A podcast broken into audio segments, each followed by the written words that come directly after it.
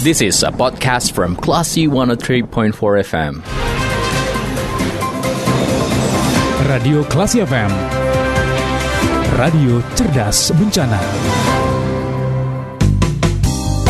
Penutup info Kelas FM, this is the actual radio. Kelas People terkait dengan gempa yang terjadi di Pasaman Barat pada pagi tadi yang kita bisa melihat dampaknya cukup terjadi banyak kerusakan di epicentrum dari gempa tersebut dan seperti apa mekanisme maksudnya kronologis pemicu gempa di Pasaman Barat ini kita akan coba tanyakan langsung bersama dengan ahli geologi Bapak Badrul Mustafa yang sudah terhubung bersama kita pada sore hari ini kita sapa dulu Assalamualaikum Pak Badrul Waalaikumsalam Dita Iya Um, gimana Pak? Uh, saat ini kondisinya sehat Pak? Alhamdulillah sehat. Alhamdulillah. Ya. Pak kita mau bertanya dan uh, berdiskusi nih Pak terkait dengan gempa yang terjadi di Pasaman Barat pada pagi tadi nih Pak. Ah, baik. Iya. Ya, jadi uh, seperti kita ketahui uh, ada dua sumber mekanisme gempa di Sumatera Barat.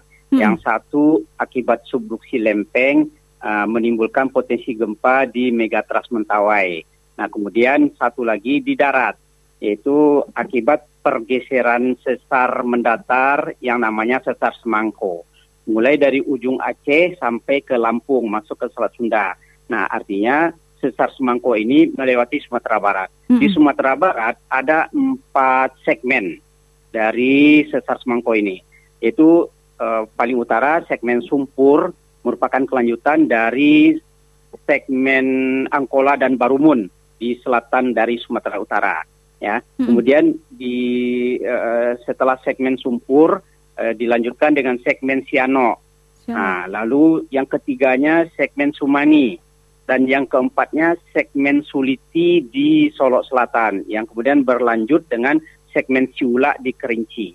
Yang terjadi tadi -hmm. adalah di segmen Sumpur ya. Mm-hmm. Nah, lalu uh, uh, uh, gempa yang terjadi di sepanjang sesar Semangko ini, mulai dari Aceh sampai ke Lampung, itu kedalamannya bukan dangkal lagi, tapi sangat dangkal. Artinya uh, klasifikasi kedalaman gempa itu gempa dangkal itu 0 sampai 60 km.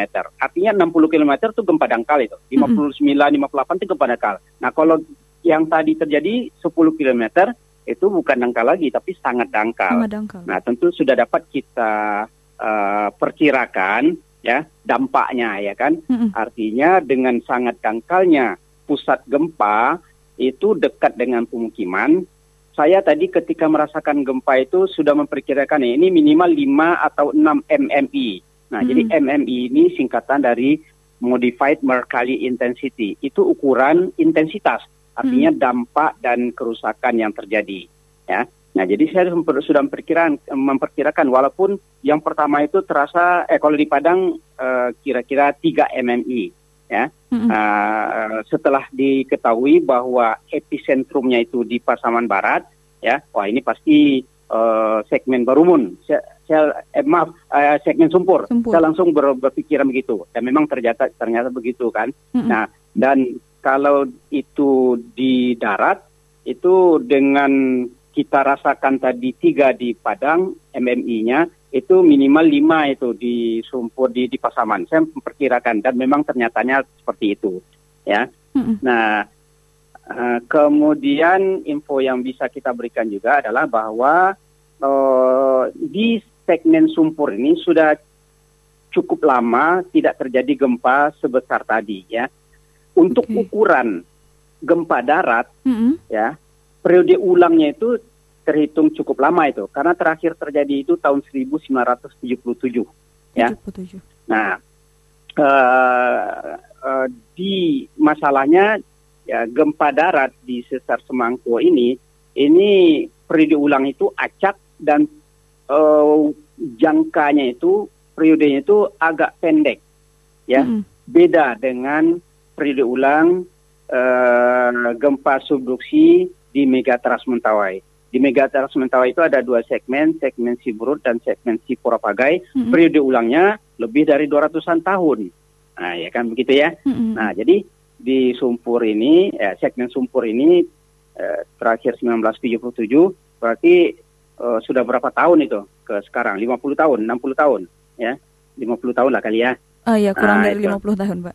Nah, 50 tahun ya kan. Nah, itu terhitung cukup lama sebetulnya. Dan ini kita sudah peringatkan ya melalui eh, radio. Dulu rasanya di Gresik juga pernah saya sampaikan ya. Mm-mm. eh, di radio media yang lain juga saya sampaikan ya bahwa selama ini kan memang kita fokus kepada menghadapi gempa ada yang berpotensi tsunami 8,9 di Mm-mm. Megatrans Mentawai. Nah, kami ingatkan bahwa jangan lupakan yang di darat. Karena di darat ini resikonya bisa lebih besar karena dekat dengan pemukiman, Mm-mm. ya kan? Iya. Nah, itu ternyata terjadi. Dulu kami ingatkan yang jarang terjadi itu sumpur, segmen sumpur yang tadi terjadi Mm-mm. dan segmen oh, Tuliti di Solo Selatan. Ya, Ya cukup lama juga, Mm-mm. ya kan? Nah, itu. Oke. Nah, Um, itu itu informasinya. Mm-mm. Baik terkait Ya. dengan em, periode ulang dari gempa eh, ini ya, eh, Pak Badrol. Kalau kita Ya. melihat ini cukup lama, berarti memang eh, pada dasarnya untuk gempa yang diakibatkan oleh sesar semangko ini memang periode ulangnya itu memang singkat rata-rata gitu. Rata-rata singkat, ya. Bahkan bahkan ya eh eh, gempa yang terjadi tanggal 6 Maret 2007 Mm-mm. itu kan dua segmen sekaligus dengan beda waktu dua jam. 6 Maret 2007 eh, gempa pertama di segmen Sumani jam 10.43 kalau tidak salah. Mm-mm. Kemudian dua jam berikutnya segmen Siano dengan kekuatan hampir sama 6,5. 6,5. Di darat jangankan 6,5, 6 saja, lima setengah saja itu sudah cukup besar pengaruhnya karena dekat dengan pemukiman tadi. Mm. Pusat pusatnya itu sangat dangkal ya kan. Mm-mm. Nah, eh, lalu yang kan 6 Maret itu di Siano juga ya kan. Mm-mm. Nah, eh Sumani juga ya. Nah, Mm. Tahun 2004 ya, Februari kalau nggak salah, tahun 2004 artinya tiga tahun sebelumnya itu sudah terjadi di pertemuan antara selatan segmen Siano dengan utara eh, segmen Sumani. Mm-mm. Eh, yang epicentrumnya itu di Batipuah. Batipuah. Iya. Nah, ketika itu ada puluhan rumah eh, bangunan rusak, salah satunya adalah sekolah. Ya kan? 2004 itu. Nah, oleh pemerintah Provinsi Sumatera Barat melalui Kanwil PU dibantulah kembali membangun sekolah itu. Tiga tahun berikutnya, 6 Maret 2007 tepatnya terjadi gempa lagi, rusak lagi sekolah itu. Tiga tahun, itu. Mm-mm. Nah, jadi eh, dan dan acak eh, periode ulangnya itu eh, acak lah begitu ya dan singkat. Makanya ya saya sering sampaikan kita jangan hanya terfokus kepada menghadapi megatrust Mentawai. Mm-mm. Kita punya dua loh pusat eh, potensi pusat gempa di laut megatrust Mentawai dan di darat. Jangan kita ya. fokus ke salah satu saja. Nah seperti itu. Dan eh, melihat dari historis yang sebelumnya itu ya eh, segmen Sianuk dan Sumani itu ya Pak Badrul ya. Berarti kan ini Ya. sa- masing-masing segmen saling mempengaruhi. Berarti dengan adanya gempa tadi pagi apakah ada potensi gempa susulan di segmen titik lainnya? Ya, gempa yang terjadi eh, dengan mekanisme apa pun, apakah mekanisme subduksi, Mm-mm. ya, seperti di Megatrust Mentawai, eh, Nia segala macam, atau di darat, itu ada eh, fenomena eh, migrasi gempa namanya, migrasi pusat gempa. Tapi biasanya migrasi pusat gempa itu ke segmen yang berdekatan Mm-mm. segmen yang berdekatan. Eh, ini terjadi tadi di segmen Sumpur. Di Tetangganya mana? Di utara segmen Angkola dan Barubun, Sumangko. ujung selatan dari Sumatera Utara, ya kan? Mm-mm. Masuk ke Pasaman. Nah, lalu eh, sebelah selatan dari segmen Sumpur apa? Segmen Siano, ya kan? Mm-mm. Nah, kalau segmen Angkola dan Barubun itu juga sudah cukup lama tidak terjadi. Nah, jadi eh, tentunya kita berharap eh, pemerintah Provinsi Sumatera Utara ya eh, memperhatikan hal ini. Nah, Mm. tetapi segmen Siano pun yang terakhir terjadi tanggal 6 Maret 2007 Mm. berarti eh, 15 tahun ya. Iya. Nah, itu tidak bisa eh, di, di, di, dianggap eh, sepele pula begitu ya. Nah, tentu harus bersiap pula ya kan. Nah, siapa tahu ya, siapa tahu kan karena di bertetangga kan, siapa Mhm. tahu energi yang terkumpul di Siano juga sudah cukup karena seperti disampaikan tadi bahwa eh, periode ulang di eh, se- sesar semangko ini di darat ini kan acak, tidak beraturan begitu. Seperti yang pernah terjadi 2007 dulu kan, 2004 terjadi tiga tahun sebelumnya kan. Nah, ini 15 tahun, tidak bisa diduga kan. Nah, jadi eh, eh, yang biasanya ya eh, tetangga dari segmen itu eh, tentu ber- eh, harus hati-hati begitu ya. Nah, lain halnya misalnya ini kan sumpur, ya, segmen sumpur di Pasaman. Ada segmen di utara misalnya di Aceh, nah itu mungkin eh, pengaruhnya itu eh, kecil lah ya kan, kecil. Biasanya tetangga dekatnya begitu. Oke, untuk eh, segmen yang berada di Sesar Semangko ini ya, Pak Badrul ya, itu lazimnya atau kalau dari perhitungannya itu potensi kekuatannya itu maksimal sampai berapa magnitudo itu, eh, Pak Badrul? Ya, dari eh, 19 segmen kalau tidak salah Mm-mm. yang ada di sepanjang sesar Semangko ini mulai dari Aceh sampai ke Lampung itu eh, yang terbesar paling tinggi itu 7,4 atau 7,5 ya. Dan itu sudah dahsyat dahsyat ya karena seperti dikatakan tadi ya beda 6,5 terjadi di darat dengan 6,5 terjadi di Megatrust Mentawai itu beda hasilnya Mhm, ya kan karena yang di darat itu kan eh, dekat sekali dengan pemukiman apalagi 7,4 Mm-mm. tahun 1995 itu segmen Ciula terjadi di Kerinci ya kan Hmm. itu oh, besar sekali kerugian baik jiwa harta benda maupun kerusakan bangunan ya nah Hmm. tahun setahun sebelumnya segmen Liwa di Lampung itu 7,4 juga atau 7,5 Nah, biasanya ya, dari catatan sejarah yang terjadi yang yang ada ya paling tinggi itu 7,4 7,5 nah itu Oke. kalau di di subduksi itu Hmm. paling tinggi bisa 10 ya. Tapi yang tercatat paling tinggi itu kan baru 9,5 di Chili ya. Aceh dulu 9,2. Oke, baik. Da- eh, apakah berpengaruh Pak Badrul eh, semakin lamanya periode ulang ini terjadi kembali pada satu segmen eh, terhadap deng- dengan nilai magnitudo gempa tersebut? Misalnya seperti eh, di Sumpur yang sudah lama gitu ya. Apakah Ya. magnitudo yang besar ini dipengaruhi juga periodenya yang sudah lama tidak terjadi itu? Ya, kemungkinannya eh, ma- begitu dan memang eh, logika ilmiahnya pun seperti itu Hmm. ya. Karena gempa besar terjadi ya, dia setelah eh, cukup lama eh, mengakumulasi energi ya. Kalau sering terjadi artinya baru sedikit terkumpul eh, Sudah lalu dilepaskan. keluar itu untuk kecil ya. Ah, dilepaskan ya. Mm-mm. Nah, jadi kalau eh, suatu eh, pusat gempa Mm-mm. ya yang biasa terjadi gempa besar ya itu biasanya kan berulang dengan periode tertentu ya kan. Mm-mm. Nah kalau sudah eh, menurut periodenya itu belum terjadi, ah itu eh, bisa besar itu. Artinya dia sudah cukup lama ini eh, menghimpun energi. Artinya sudah eh, banyak terkumpul di di, di tempat itu. Eh, sudah banyak terakumulasi. Nah, logikanya seperti itu. Oke, baik Pak Badrul. Em, Sesar Semangko ini kan sepanjang Pulau Sumatera ya, Pak Badrul ya. Apakah Ya, betul.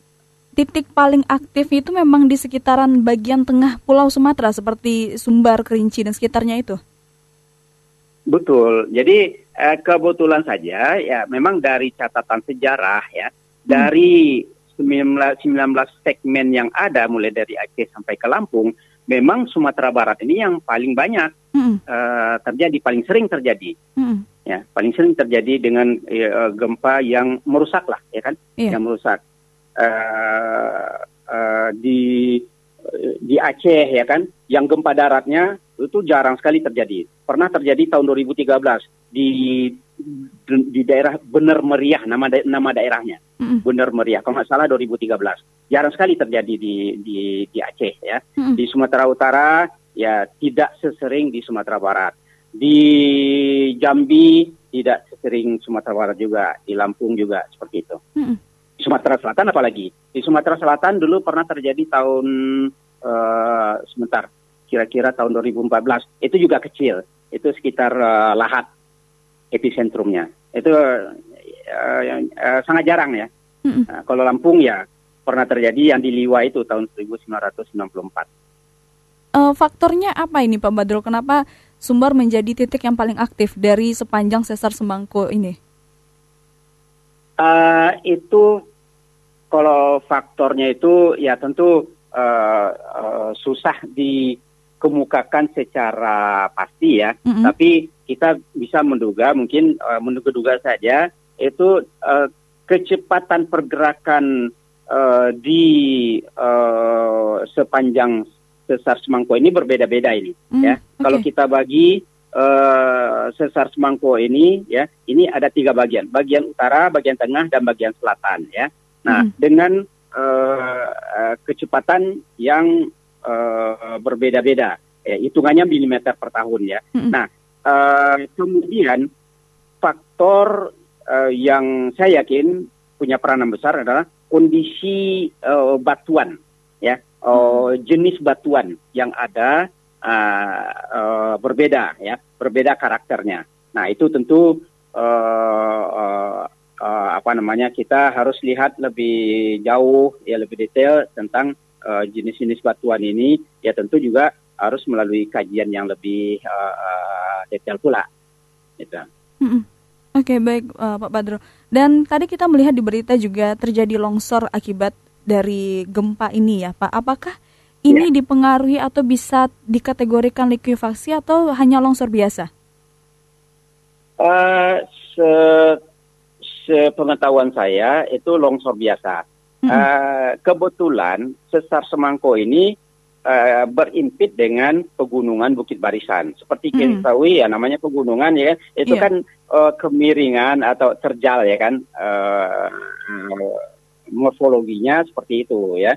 Eh, sering sekali terjadi longsor eh, ketika terjadi gempa di sepanjang sesar Semangko. Sebut saja lah misalnya gempa tanggal 6 Maret 2007 juga ada eh, beberapa bagian yang longsor. Yang longsor itu biasanya ya uh, daerah yang uh, lereng ya. Mm. Nah seperti yang terjadi tadi itu kan di utara dari uh, Gunung Talamau. Oh iya. Ya. Mm. Nah, Gunung Talamau itu ya yang yang terjadi uh, uh, longsor itu di daerah itu. Nah, ya, ya yang itu kan ya Gunung Talamau kan juga gunung yang cukup uh, tinggi itu. Hmm. Tapi nah, kalau itu. Kalau melihat daratan di wilayah Pasaman Barat dan sekitarnya, apakah ada kemungkinan terjadi likuifaksi akibat gempa tersebut, Pak Badrul?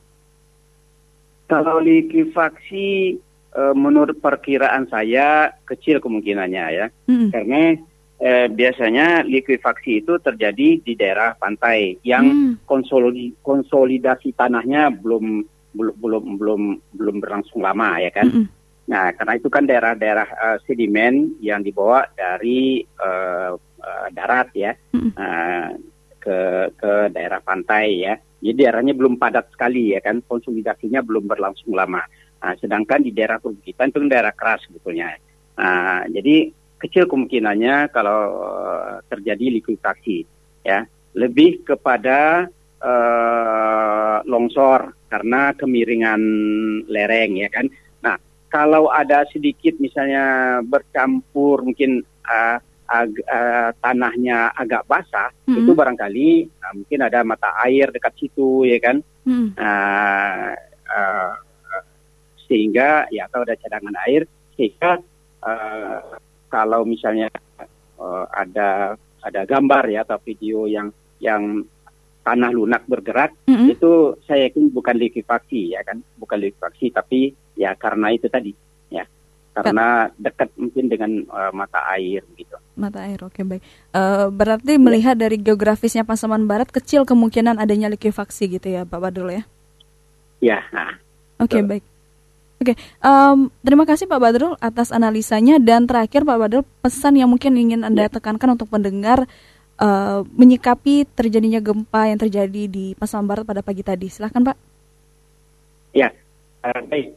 Uh, jadi melihat uh, uh, gempa yang terjadi tadi ya, hmm. uh, ada saya sedikit uh, agak gembira juga sebetulnya ya kan hmm. dengan 6,2 atau 6,1 setelah diupdate oleh BMKG itu uh, saya membayangkan 6 atau 7 MMI artinya banyak kerusakan ternyata tidak terlalu banyak kerusakan dengan tidak terlalu banyak kerusakan uh, bangunan, maksudnya uh, rusak berat Mhm. atau hancur, terlihat korban jiwa juga sedikit, ya kan? Mhm. Nah, barangkali ya di uh, uh, masyarakat di Pasaman Barat ya membuat bangunannya sudah cukup uh, memenuhi aturan.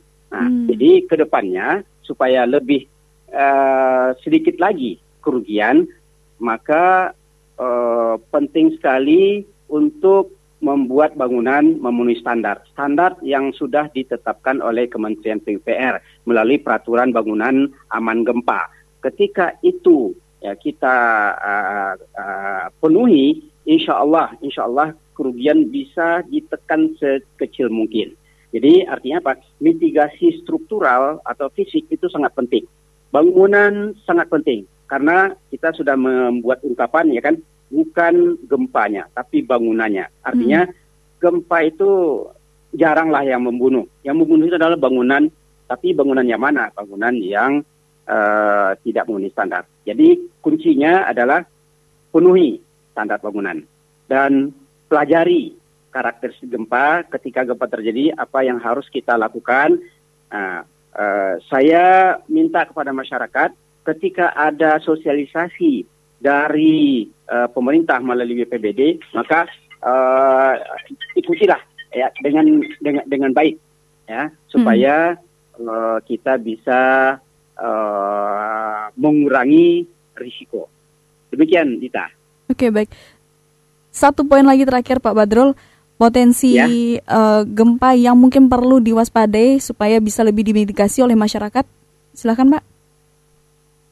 Eh, maksudnya potensi Iya, Yang- akibat terjadinya gempa tadi pagi, apakah ada mungkin potensi gempa susulan yang yang perlu Ah, ya. menjadi perhatian khusus? Ah ya. Eh, jadi eh, kalau menurut saya 6,1 itu bisa jadi itu sudah gempa utama ya. Hmm, Ah. Oke. Eh, bisa jadi. Ini tapi kok saya tidak bisa menjamin pula ya. Mm-mm. Tapi kemungkinan terjadinya gempa di atas yang 6,1 tadi itu mungkin kurang dari 40 persen. Ya.